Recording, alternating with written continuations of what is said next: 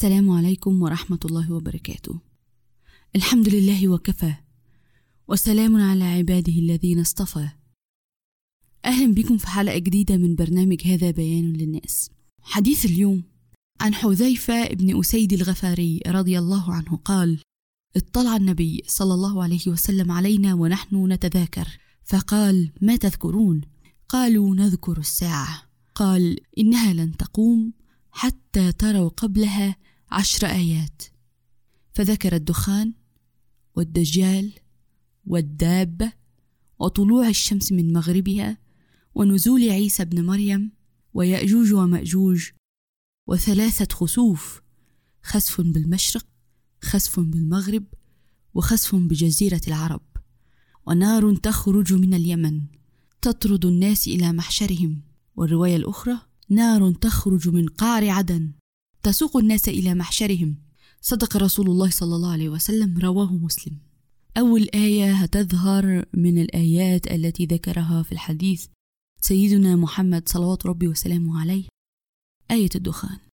ونتوقف عند تلك الآية لأن في بعض الناس قالوا إن الدخان ظهر بالفعل. ولكن الدخان المذكور هنا يا أحبابي هو الدخان الذي يأتي في آخر الزمان الذي يسبق الدجال والدابة وتلك الأحداث. فليس المقصود به الدخان الذي حدث في أيام قريش حيث أن الله عاقبهم بقحط فكانوا يرون الهواء كالدخان. وبعض الصحابة قالوا إنهم كانوا بيشوفوا الدخان حقيقة. ولكن حذيفة عندما سأل عنه رسول الله صلى الله عليه وسلم قال له أنه يملأ ما بين المشرق والمغرب يمكث أربعين يوما وليلة. والمؤمن يصير له كالزكام ويصير الكافر كالسكران. أي بمعنى أن الدخان تلك الآية التي ذكرت وسميت بها سورة في القرآن سورة الدخان. فارتقب يوم تأتي السماء بدخان مبين. يغشى الناس. هذا عذاب أليم. ربنا اكشف عنا العذاب إنا مؤمنون. صدق الله العظيم. فكما قلنا أحبائي هو الدخان الذي ذكر في آياته في سورة الدخان يوم تأتي السماء بدخان مبين. يأتي بعد آية الدخان الدجال. والدجال أحبائي سوف نفرد له حلقة خاصة مطولة بكل أوصافه وما يسبقه من أحداث وكيف يمكث وماذا يفعل وكيف يفنى وما هي فتنته ولما حذرنا رسول الله صلى الله عليه وسلم منه. حتى أن الصحابة قالوا من كتر ما رسول صلى الله عليه وسلم حذرهم من الدجال ظنوا أنه في النخل بينهم يعني من كتر ما رسول صلى الله عليه وسلم حذرهم فتنة الدجال وأنها أكبر وأخطر فتنة على وجه الأرض. سبحان الله ربنا يقينا شر الفتن. عشان كده بنتعوذ منه بعد كل صلاة. تأتي بعد آية الدجال الدابة في الذكر يعني في تسلسل الحديث جاء ذكر الدابة. وقيل أنها تخرج ثلاث خرجات يعني اتقال أنها تخرج على ثلاث مرات. مرة أيام المهدي ومرة أيام عيسى ومرة بعد طلوع الشمس من مغربها بعد الدابة تأتي طلوع الشمس من مغربها.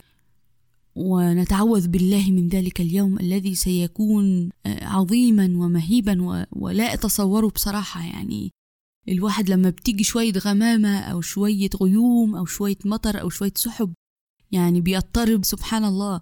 فما بالكم حينما تنقلب آية عظيمة من من آيات الكون طلوع الشمس من المغرب آية عظيمة. وندعو من الله أن نكون جميعا إن شاء الله في ثبات وبعدها لن تقبل توبة أبدا.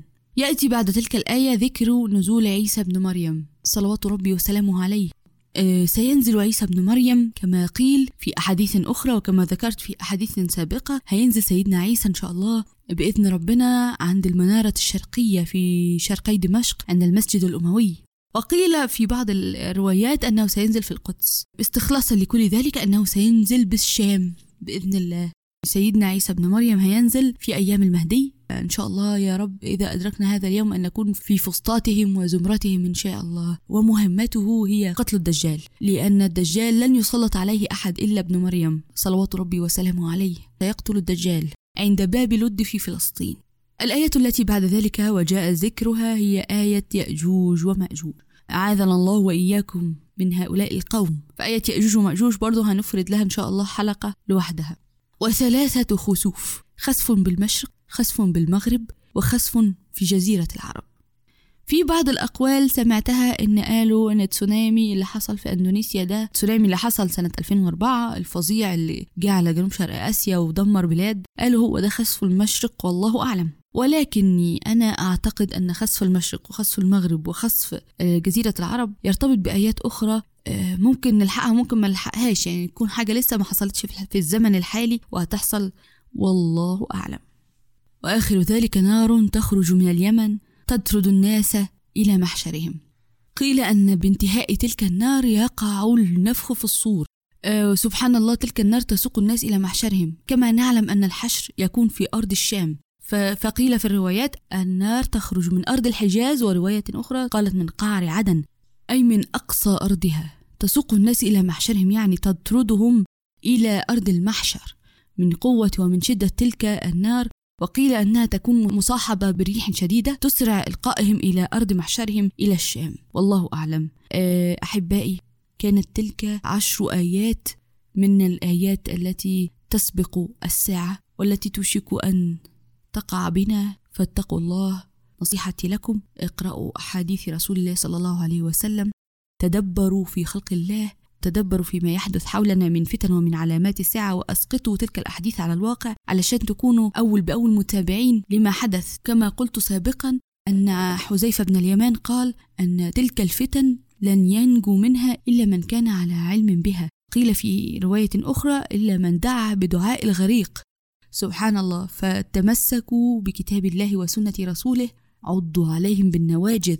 ونسأل الله أن يقينا شر الفتن ما ظهر منها وما بطن. سبحانك اللهم وبحمدك. أشهد أن لا إله إلا أنت أستغفرك وأتوب إليك. إلى اللقاء في حلقة قادمة بإذن واحد أحد. والسلام عليكم ورحمة الله وبركاته.